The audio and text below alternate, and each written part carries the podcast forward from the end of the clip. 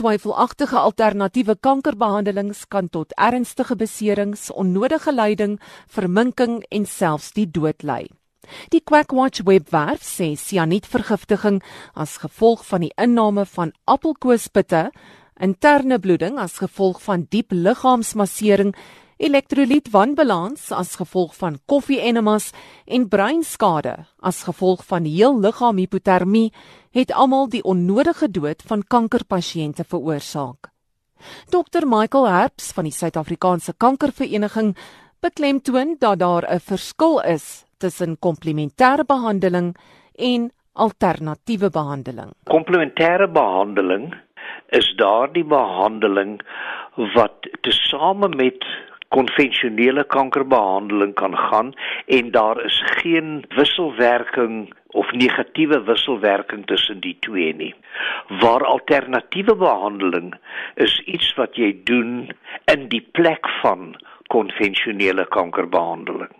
Met ander woorde, jy wil nie die konvensionele kankerbehandeling 'n kans gee nie en jy gebruik nou 'n alternatief. Die kankervereniging sê bewusmaking teen die gevare en nadele van sogenaamde alternatiewe behandeling is van die uiterste belang. Ek dink een van die belangrike voorbeelde is die sogenaamde Vitamiene B17. Dit is nie 'n vitamiene nie om mee te begin.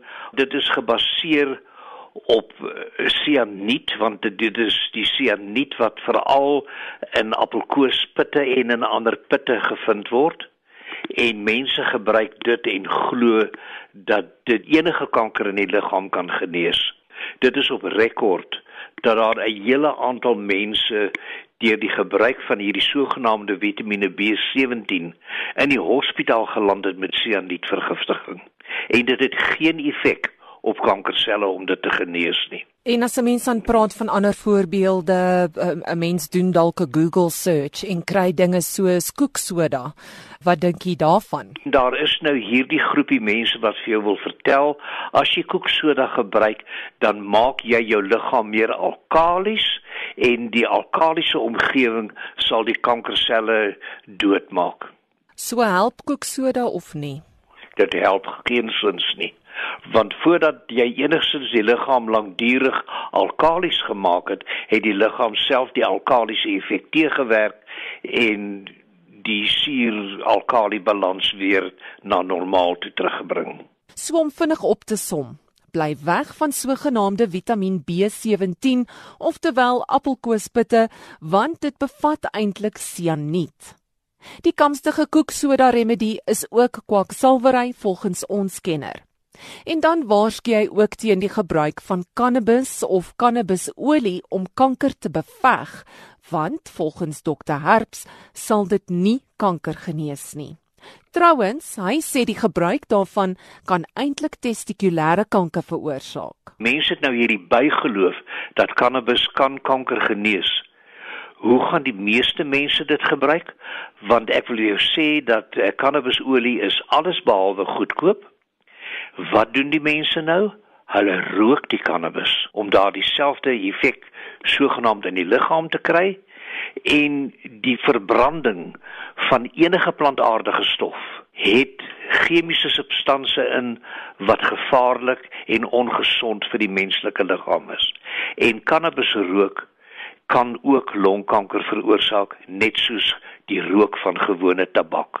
Daar is wetenskaplike navorsing wat gedoen is oor die gebruik van cannabis en dit is dat dit die voorkoms van testikulêre kanker in jong mans aanhelp.